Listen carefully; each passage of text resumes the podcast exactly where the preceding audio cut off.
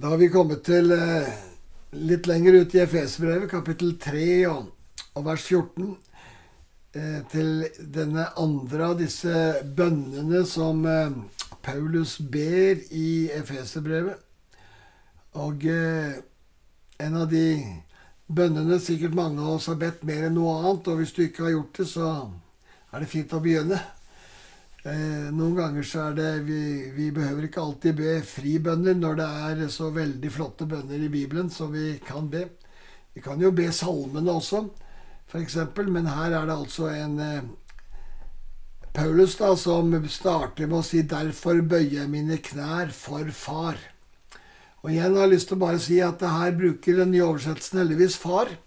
Derfor bøyer jeg mine knær for Far. Fordi det er så personlig når det blir far. Gud er vår far. Han er Abba-far.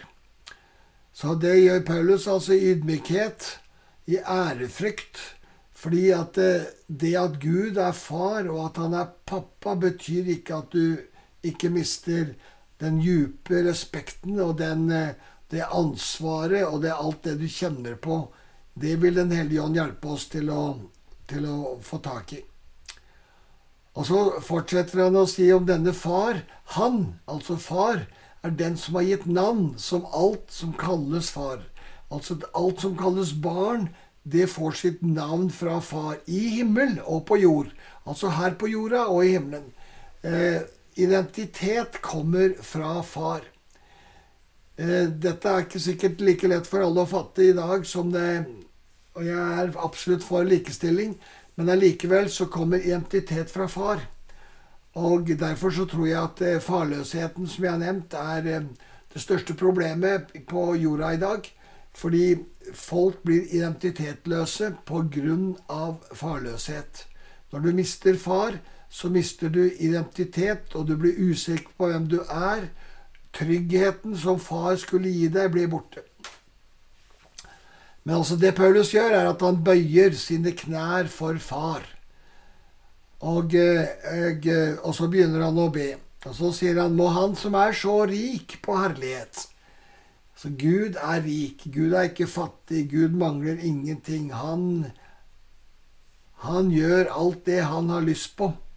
Og mer enn det. Han er så rik på herlighet. Han kan gjøre langt mer enn det vi tenker, og det han, vi syns han burde. Gud kan gjøre de utroligste ting. Og Han som er så rik på herlighet, må Han gi deres indre menneske kraft og styrke ved sin ånd.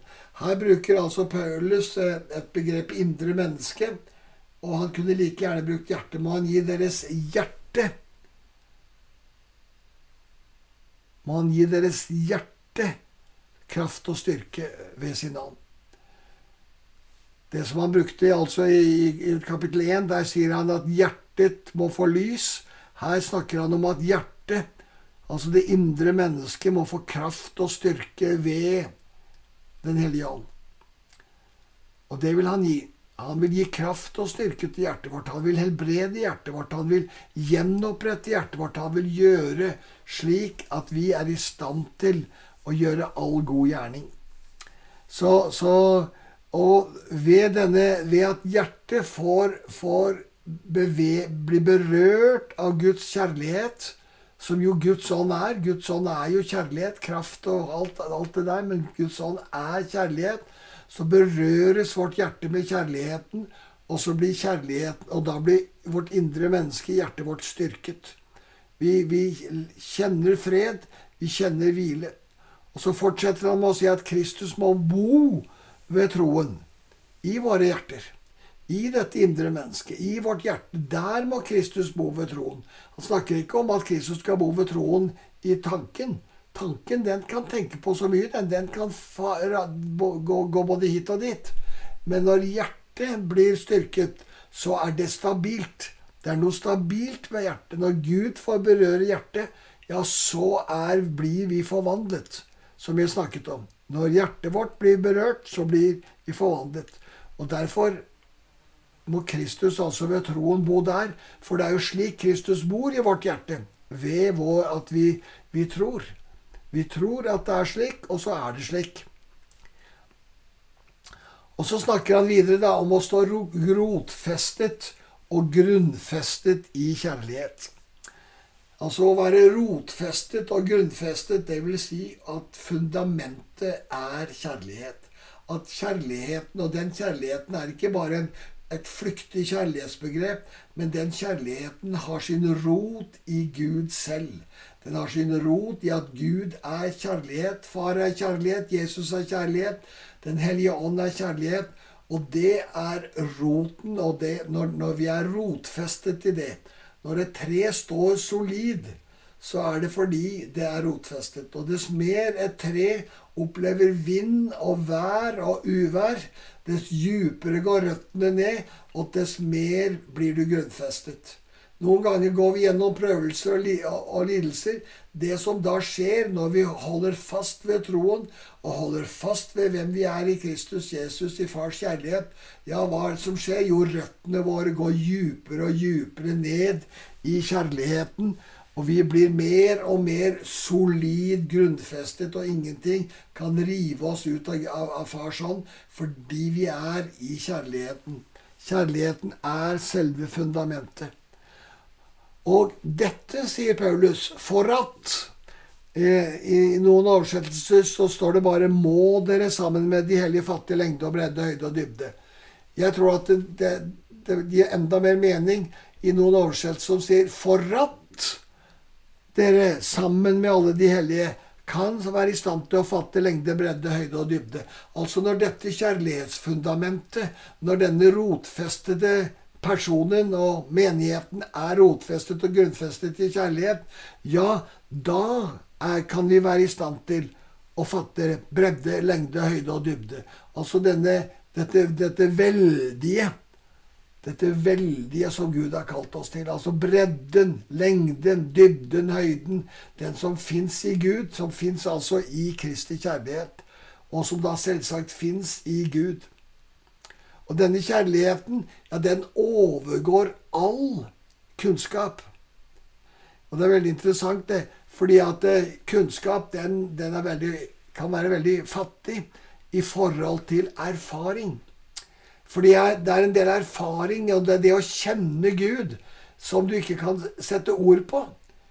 Men det er fordi det går så mye djupere. Det er vanskelig å forklare med ord. Altså det som hjertet erfarer, og det som mennesket erfarer i kjennskap til Gud, det er ikke lett alltid å bruke, finne kunnskapsord om.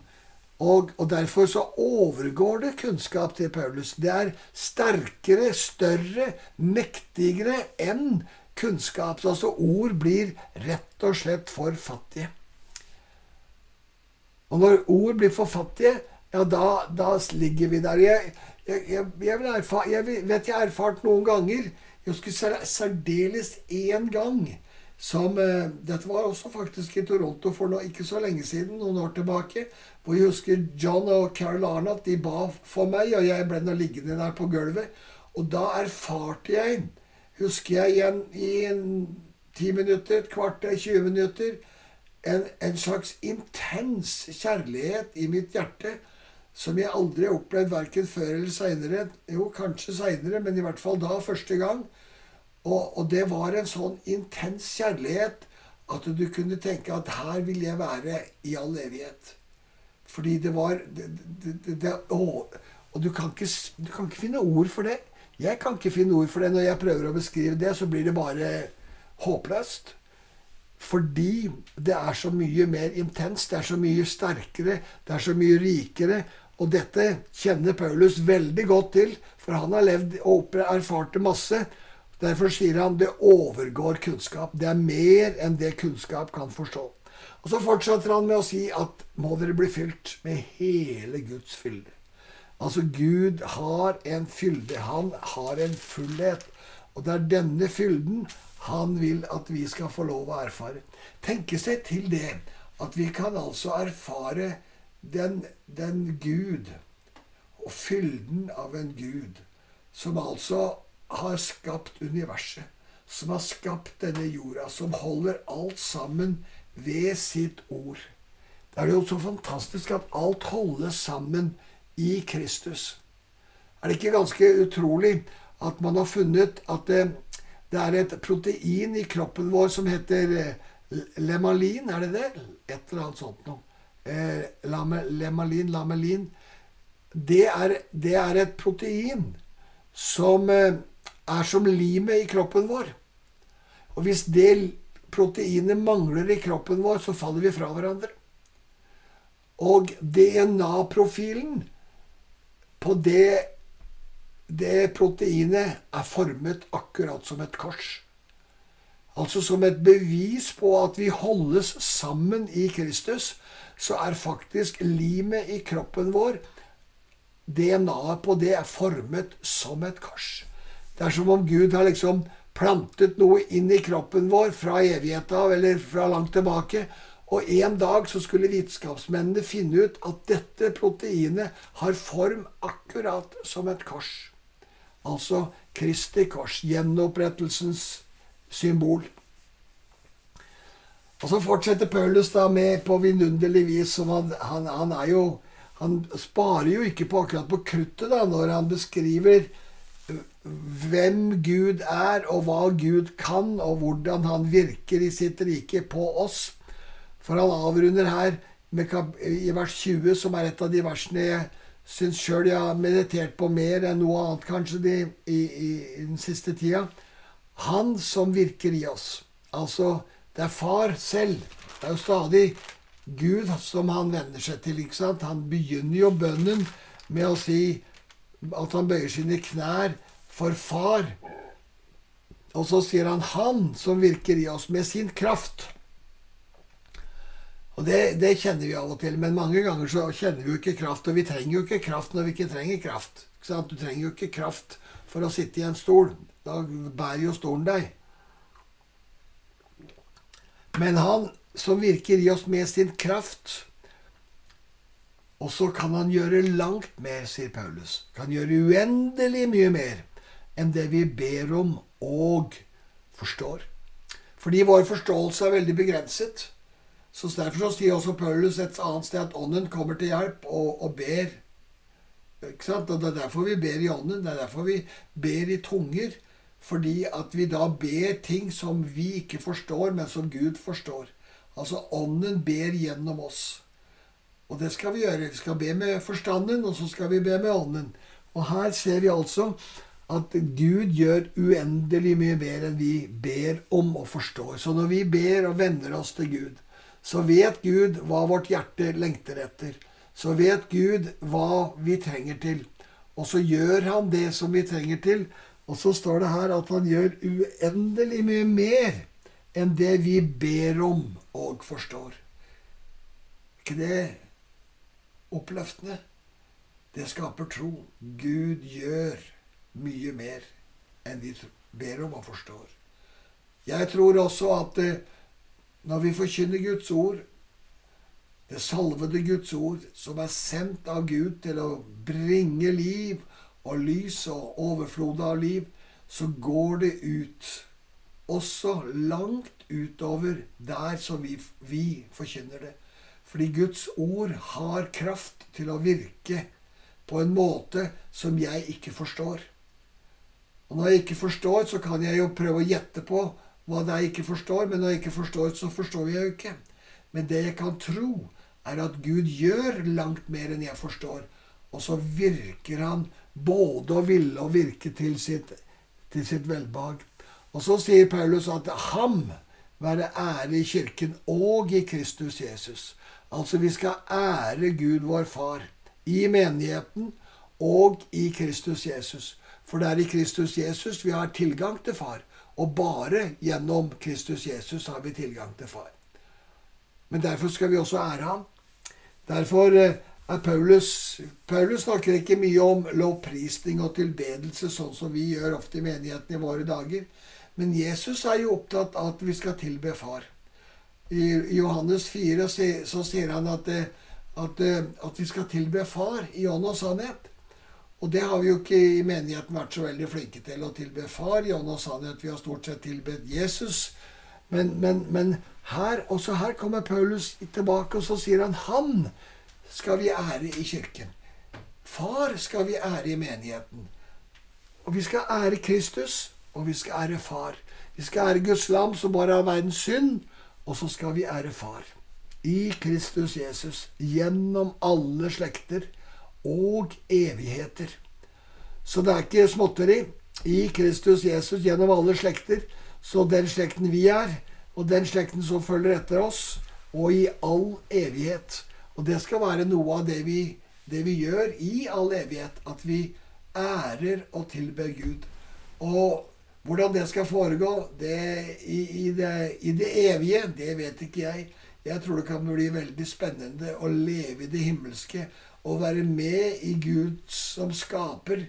Og, og, og være med å forme hva, hva, han nå måtte finne på vi skulle forme. Men midt oppi alt så skal vi få lov til å ære ham og tilbe ham. Og vi skal få kjenne denne grenseløse, dype kjærligheten som gjør at vi lever. Og vi lever ti ganger, hundre ganger sterkere enn det vi lever her på jorda, tror jeg. Så det er, det er framtida. Men akkurat nå så skal vi få leve nå, i nåtida. Og så skal vi få lov til å be, og så skal vi få lov til å tro at Han gjør uendelig mye mer enn vi ber om og forstår.